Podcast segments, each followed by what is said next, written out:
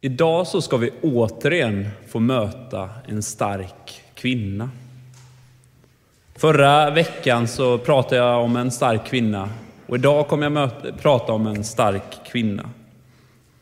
Förra veckan sa jag att Jesus var feminist. Att han ville att kvinnor och män skulle ha samma möjligheter. Idag får vi möta en kvinna som blir återupprättad av mötet med Jesus Kristus.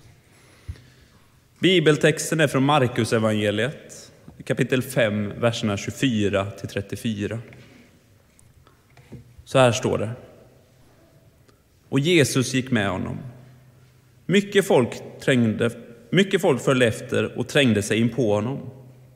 Där fanns en kvinna som hade lidit av blödningar i tolv år. Hon hade varit hos många läkare och fått utstå mycket. Det hade kostat henne allt hon ägde, men ingenting hade hjälpt. Snarare hade hon blivit sämre. Hon hade hört vad som berättades om Jesus och nu kom hon bakifrån i hopen och rörde vid hans mantel.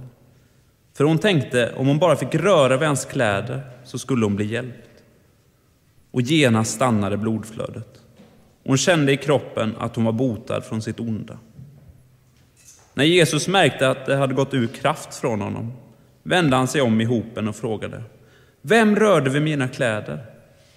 Lärjungarna sa Du ser väl hur folk tränger på och ändå frågar du vem som har rört vid dig. Han såg sig omkring efter henne som hade gjort det. Kvinnan som visste vad som hade hänt med henne kom rädd och darrande fram och föll ner för honom och talade om hur det var. Han sa till henne, min dotter, din tro har hjälpt dig. Gå i frid. Du är botad från ditt onda. Vi får möta en kvinna som haft blödningar i tolv år. Tolv år, kan ni tänka er. En kvinna som hade försökt få bukt med sina problem.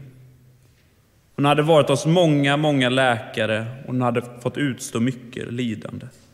Och det hade kostat henne allt hon ägde. Hon hade inte blivit bättre, snarare hade hon blivit sämre. Och lägg där till hur man såg på henne i samhället. Hon var oren. Allt hon satt på blev orent till kvällen. Alla som hade varit i kontakt med henne var orena till kvällen och behövde tvätta sig.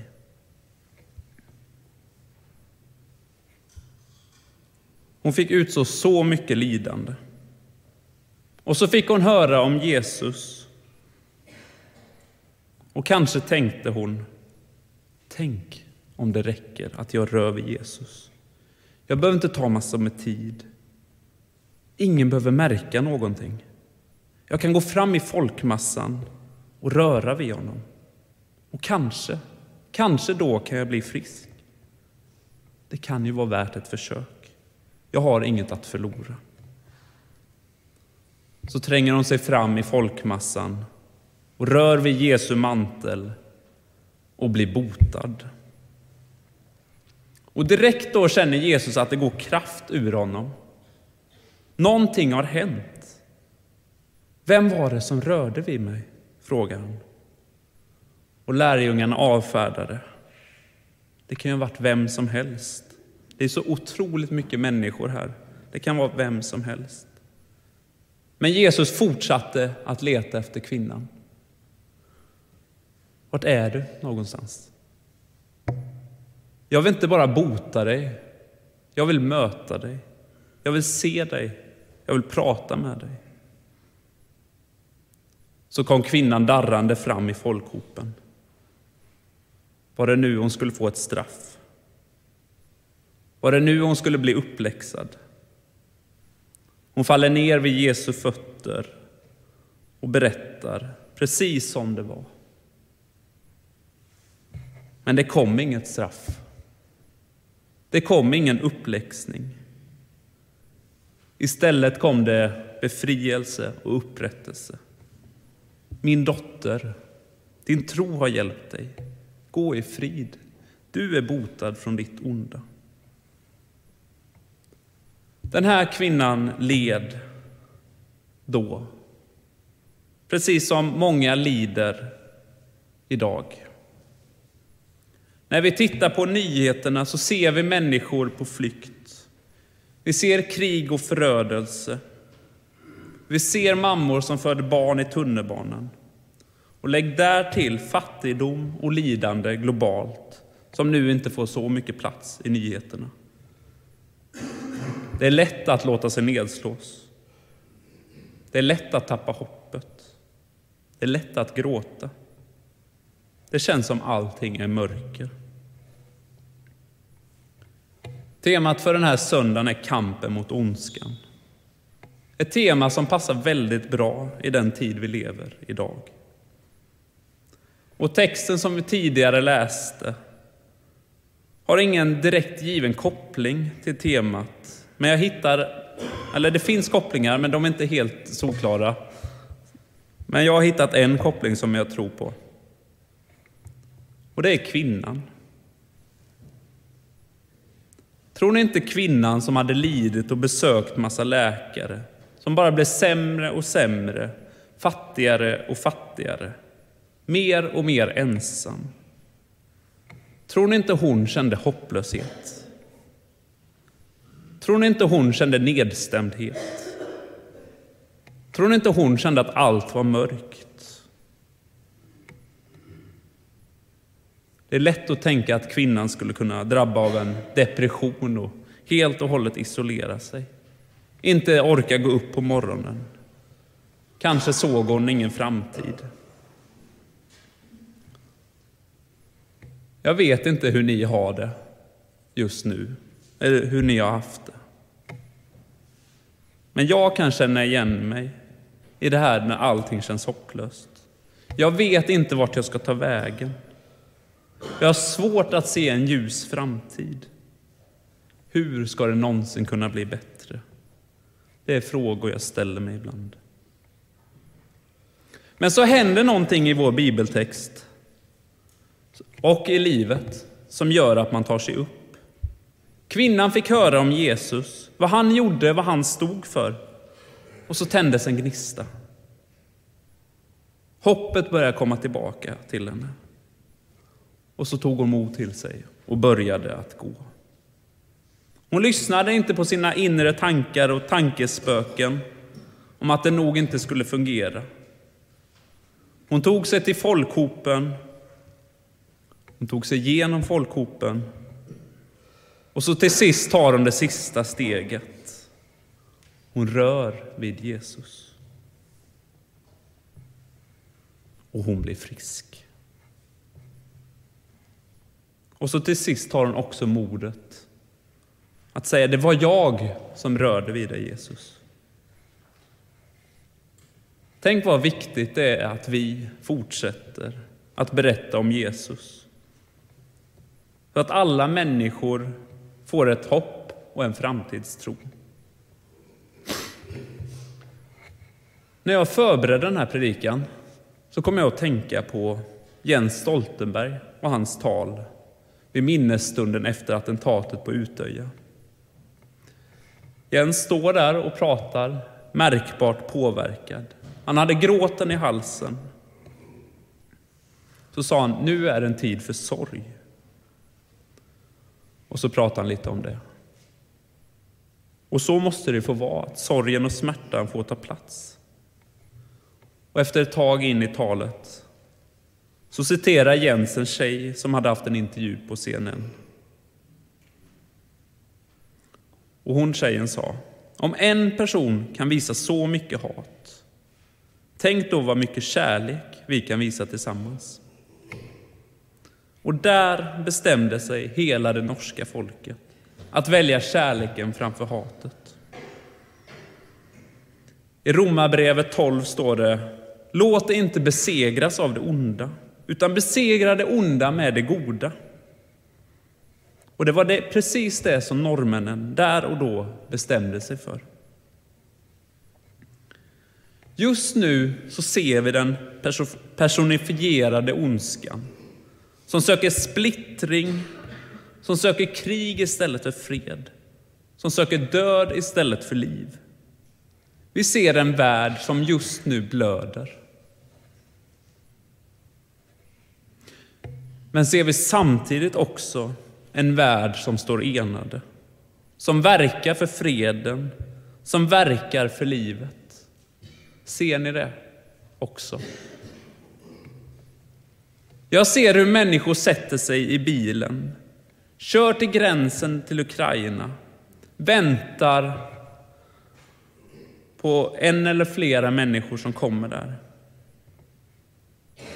Som till slut säger, ja men du kan åka med mig, jag har plats.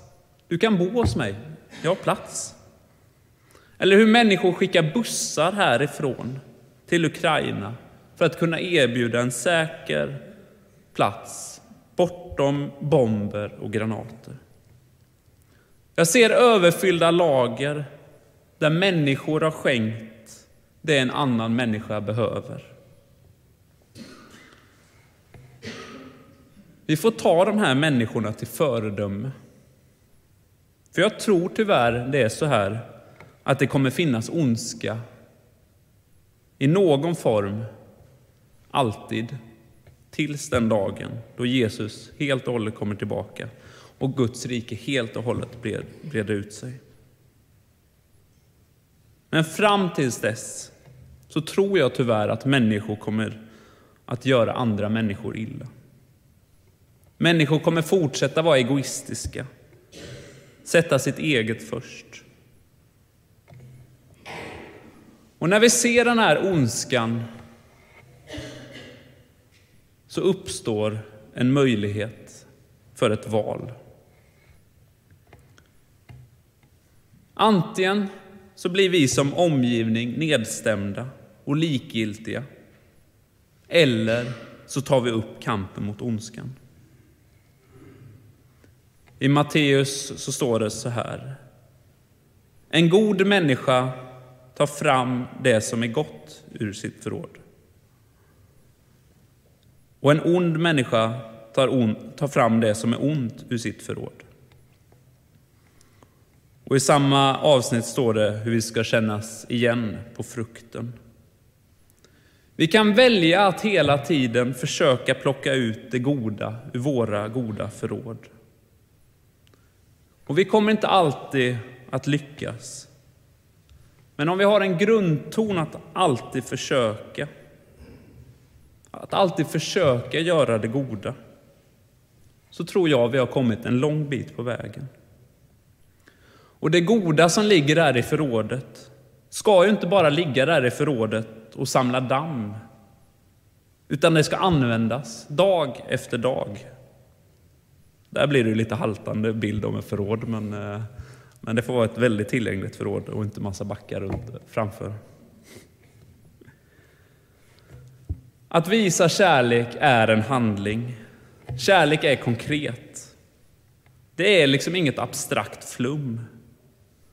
Jag hade kunnat fokusera på abstrakta begrepp och tänka kring ondska och godhet. Och kanske hade det gett oss lite att tänka på. Men jag tror kanske inte det, det är det vi behöver just nu. Vi behöver inte tänka vad godhet är. Utan vi behöver göra godhet. Vi behöver kavla upp ärmarna och göra godhet. Självklart så ska vi tänka och planera och strukturera och organisera. Men det får inte stanna där. Vi måste vara lite på tå och se vart det finns en chans och en möjlighet att göra det goda i vår närhet och omgivning. Kanske tänker ni som jag just nu att ni vill göra någonting, men ni vet inte vad. Jag och Frida har tänkt att ja, vi har ju ett rum som står tomt, kanske kan någon bo där. Och så samtidigt så börjar man tänka, hur ska det bli? Är det verkligen läge nu? Hur blir livet? Men tänk om det är precis tvärtom. Att det alltid är ett läge att göra det goda. Kanske gör vi det här alldeles för stort och svårt. Och det behöver inte handla om att upplåta sitt hem. Det kan handla om att ge en gåva, ett leende, stanna upp och prata. Det finns så otroligt många saker vi kan göra. Ingmar Stenmark sa de klassiska citat, eller det klassiska citatet. Det är bara åk. Kanske är det så att Ingmar aldrig hade kommit iväg om han skulle stå där uppe i backen och se varje sväng, varje hinder, varje svårighet. Kanske hade han stått där än idag och tittat ner. Om man bara åker så kommer vi nog se att det är lättare än vad vi hade tänkt oss. Och så när vi väl möter de där utmaningarna så får vi ta oss igenom det då. Jag tror att vi måste vara i rörelse och öppna för, att se, öppna för det och se vad som händer. För det är otroligt stor möjlighet att allt det vi oroar oss för inte kommer att hända. Eller så är det inte ett problem när det ens kommer till kritan. Vi har en förmåga att dag efter dag, vecka efter vecka, år efter år välja det goda. Våra små val kan göra stora skillnader. Tänk er ett helt mörkt rum. Helt mörkt rum. Och så öppnar vi dörren, lite, lite. Plötsligt sipprar ljuset in och fyller hela rummet med ljus. Så är det också med godheten. Allting börjar i det lilla. Och lever vi och inspireras vi av Jesus så kommer vi ha lättare att välja det goda. Vi kommer ha lättare att plocka ut det goda ur förrådet. För förrådet är fullt av godhet. Lever vi med frågan vad skulle Jesus gjort? Så vet vi nog vad vi borde göra. Sen är det ju inte alltid lätt att göra och välja det goda. Som Paulus sa. Det goda jag vill göra, det gör jag inte. Men det onda som jag inte vill göra, det gör jag. Det är ju så mänskligt. Vi kommer att misslyckas och vi kommer inte alltid att välja det goda. Men vi måste ju ändå försöka. Försöka göra den här platsen, den här världen, till en lite godare plats. Som Jonathan i Bröderna Lejonhjärta sa. Det finns saker som man måste göra, även om det är farligt. Varför då? undrade skorpan. Annars är man ingen människa, utan bara en liten lort, sa Jonathan. Kvinnan var rädd och hon övervann sin rädsla. Och Jesus mötte henne och tog tid och tog vid, inte tid, vid, tog vid där kvinnan inte längre kunde klara sig själv. När vi gör det och när vi försöker göra det goda så är Gud med oss. Vi går inte ensamma och vi förväntas inte att klara det helt ensamma. Vi kan inte klara det själva, utan Jesus måste hjälpa oss. Men vi måste också komma till honom och be om hjälp. Då hjälper Jesus oss. Vi ber. Gud, ge oss sinnesro att acceptera det vi inte kan förändra. Mod att förändra det vi kan och förstånd att inse skillnaden. Gud, ge oss sinnesro att acceptera det vi inte kan förändra. Mod att förändra det vi kan och förstånd att inse skillnaden. Amen.